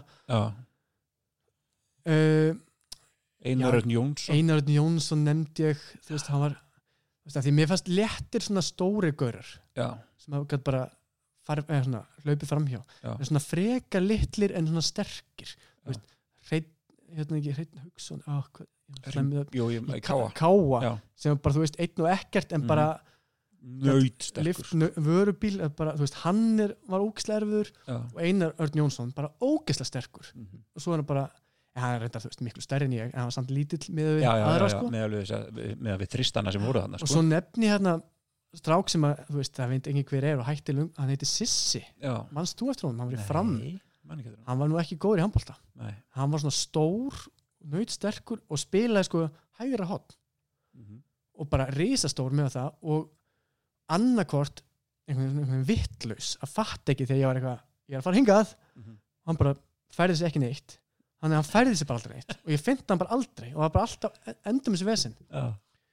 og það ár, þriðaflokki það sem þá urðu við, eh, við byggamestrar og deildamestrar en fram Íslandsmestari Mhm. og það var rosa súrt, það var rosa mikið bara út af þessum sissa. Já. ég gat bara ekki fynda hann. Hann tekur á sig. Já, Við sittum sissa þarna. Já, og allir hinn er svona, litlir, sterkir og, Litlir, og sterkir, og kannski ekki hlupa fram með uh, Þetta eru svona, svona fan favorites spurningar að við ætlum svona að hlaupa í gegnum það aðeins. Auka maður, þessi sem er svona ómissjandi klefanum, þar er gæi sem að mér finnst mjög skemmtilegur. Uh, Björn Viðar Björnsson. Já einfarin sjálfur. Einfari. Þetta var svona maður eins og Haraldur Þorvarsson ég hafði hort á hann og bara þetta er nú eitthvað leðileg gaur. Já. bara svona einhvern veginn já, ég hafði bara séð hann sem einhvern markmann í haugum held ég einhvern tíman, vissi ekkert hver þetta var. Alin upp í haugum og, og þið spilir saman í hvað fram? Já, hann er, hann er að spila núna, en hann hætti náttúrulega flytur út með, Já, já. sunnu konunu sinni svo og, bara árin að kallin í IPVF sko, mér finnst það indislegt geggjaður. Og þetta er maður sem að kannski fáir hefur giska á að hefur bara stjórna bara öllum húmor í klefanum.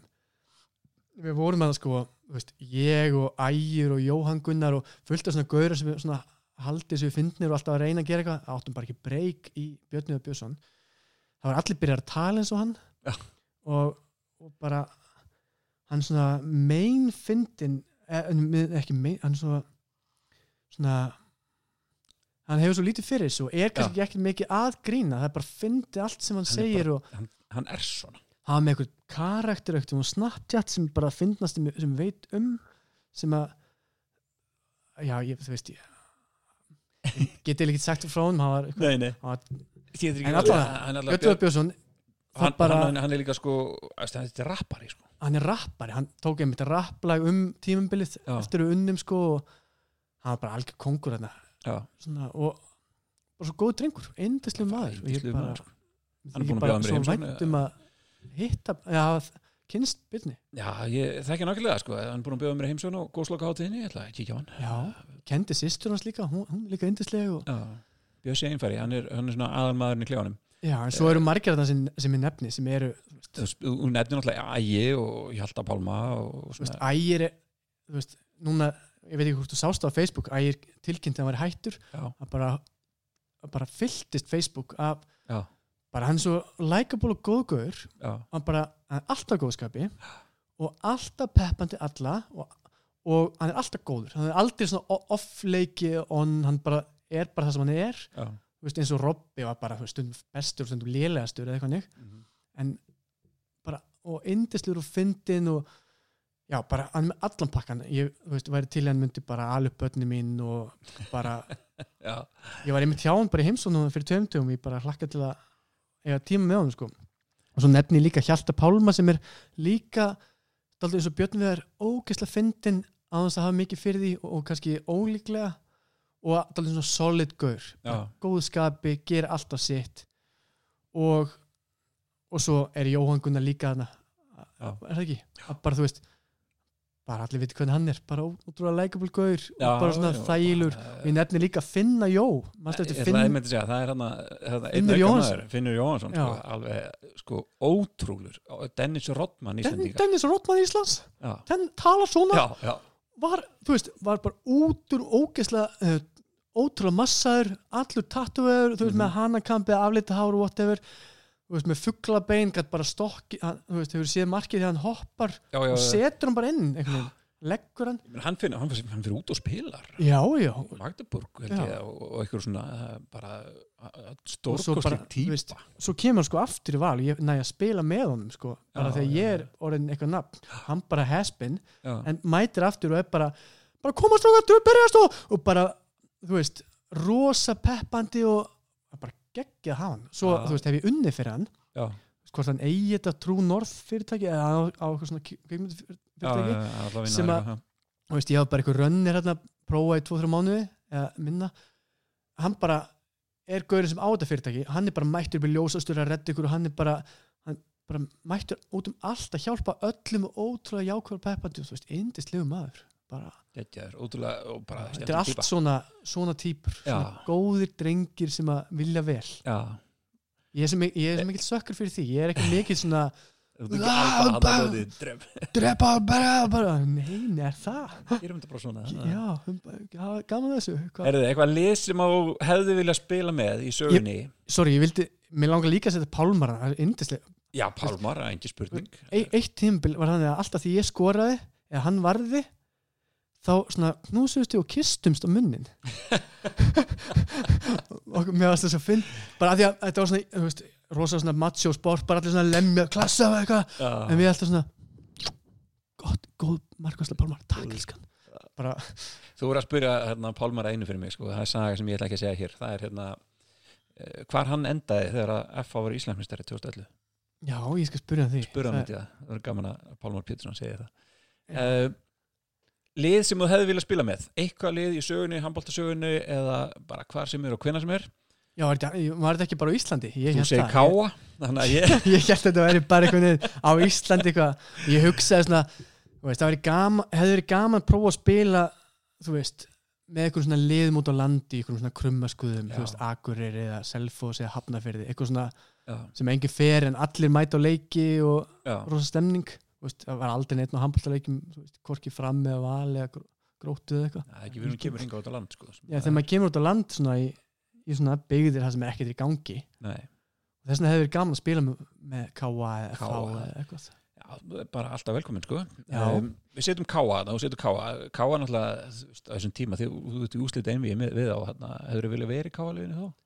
Já, dálítið. Já, Ég hafði alltaf gaman að spila í Káa höllinni. Það er það ógeðslega skemmtilegt.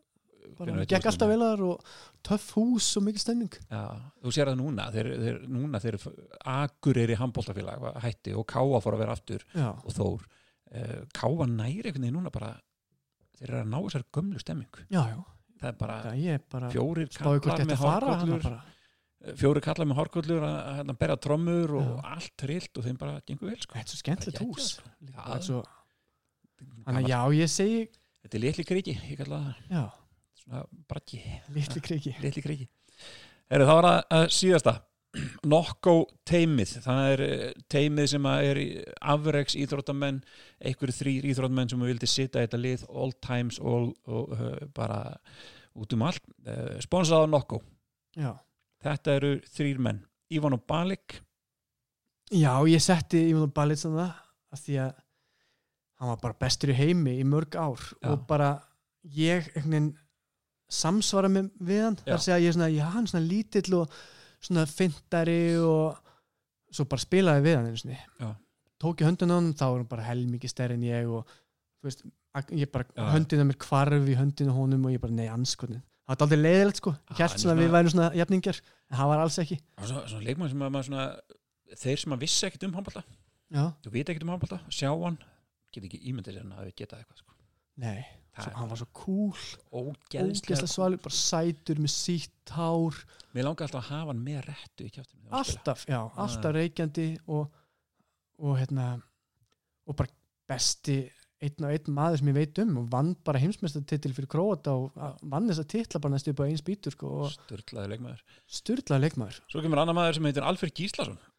Ég hafði hann bara hérna því ég horfði svo mikið á B-keppnina í gamla dag, hann átti það á spólu og hann var bara, hann var náttúrulega geggjari þeirri keppni og og svo einhvern tíma þegar hann varði landslistálfari þá var ég svona uh, svona viðlóðandi þetta eftir ég hafa, hafa verið valinn og svona tók í höndin mér og það einmitt bara kvarfa mér höndin og bara, ég hef aldrei séð svona ramma áður og ég bara þakka Guði fyrir að hafa aldrei spilað móti svona mönnum eins og honum. Ég réttnaði Patriki sem var svona risi sem lamdi fólk Já, og það var bara, ég berði þessu allar bætur þannig að bara, Rísins landi fólk og svo í dag hann þetta er ljúfasti maður hann er alltaf inn ljúfur, bara hann var að koma frá atvinnmennsku fyrst, hann kom í stjórnuna Já, tó, við tókum æfingarleik og ég, ætla að prófa að finna patta fór hann bara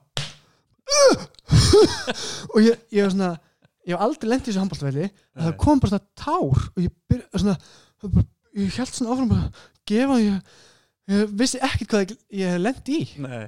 Og ég bara var eftir mig Já. og það var hræðilegt það var svo, þetta var svo fast Þannig að við erum komin með Ívana Bælits, Já. uh, Alfred Gíslason og svo kemur, að sko, þú sendir mér þetta handskrifa, það var svona pæli, hvaða leikmæður er þetta? Hver, hvað er hann að skrifa hérna?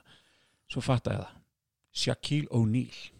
já, ég held að Sjakk hafi valið ranga íþrótt ég held að hann hefur geðveiku línum í handbólta Já, hann var náttúrulega ekkit sérstakur í körfu. hann, þú veist, hann hitti aldrei vítum þarna, handbólta þarf ekki að taka vítin Nei. Hann bara fær alltaf víti Já, og bara tekið fyrir þig hann myndi aldrei þurfa að fá viti.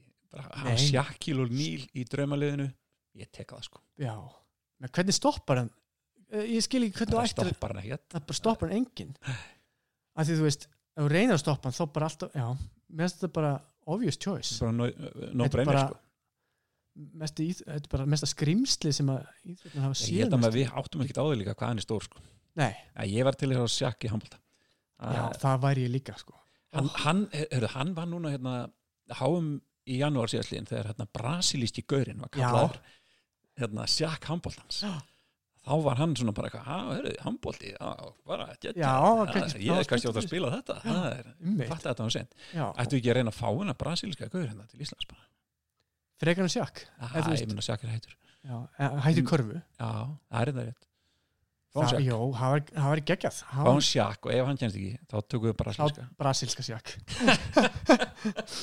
en þetta minnir mig á hérna að því ég ætla að segja smá með hann Bavu að því hann er næstu eins og sjakk Já, tökum það sem svona lokin á þessu, af því að nú hérna ætlum við að hafa söguna sem er í búið ölhúsins, ölhúsið Reykjavík og, ölhúsið Grafvík þannig að þú fara að enda á þessari hérna, loka sögu sagan í búið ölhúsins já, sko veist, það er náttúrulega endast að sögum úr handbólta og ég var einmitt að fara yfir þetta þú veist, rosa margt sem er eitthvað tæft sem að bara má ekki segja í dag. Og þú veist, það var kannski tæft, tæft þá en bara alls ekki.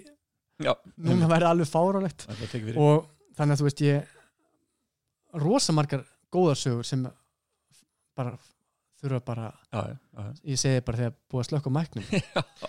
En sko en Bavu er einhver ótrúðasti maður sem ég hef bara kynst og hann kemur hérna til Íslands og það er bara sagt já það er að koma hérna gaur, franskur gaur hann er hérna þú veist hann er að sp- spila hérna bara eitthvað á svona Já, kynntum, maður vissi ekkert hver að koma.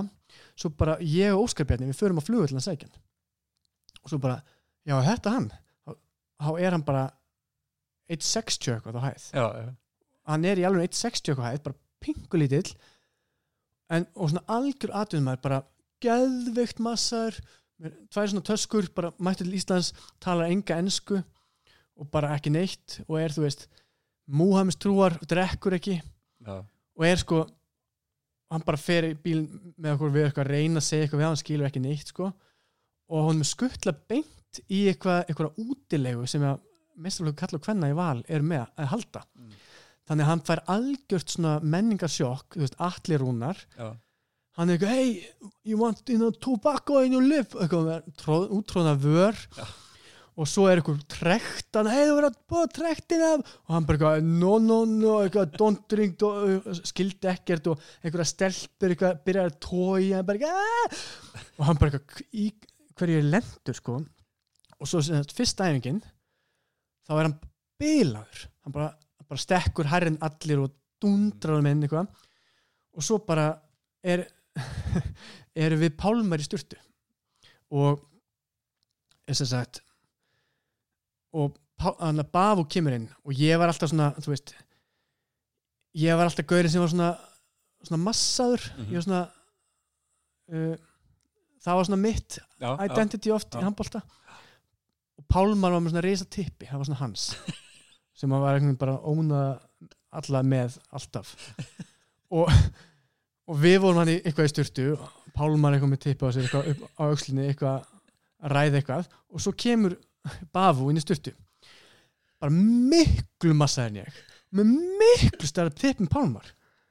Og þú veist og við Pálmar svona við, svona frjó, við svona einhvern veginn hættum að segja, tala og bara snúum okkur svona báðir svona til veggjar og byrjum svona að sápa okkur að því að bara það sem við höfðum var tekið frá okkur. Það var veginn svona við erum ekki lengur sérstakir við mistum allt okkar í ein, einni svipan. Já. og svo er Bafu hann bara í styrtu og þá mætir Davíð Höskulsson í styrtuna og svo hann með svona eitthvað svona partytricks hann svona heldur í fórhuguna og fyllir svona teipi af pissi og svona, pff, svona sprengir svona framan í Pálmar Pálmar eitthvað.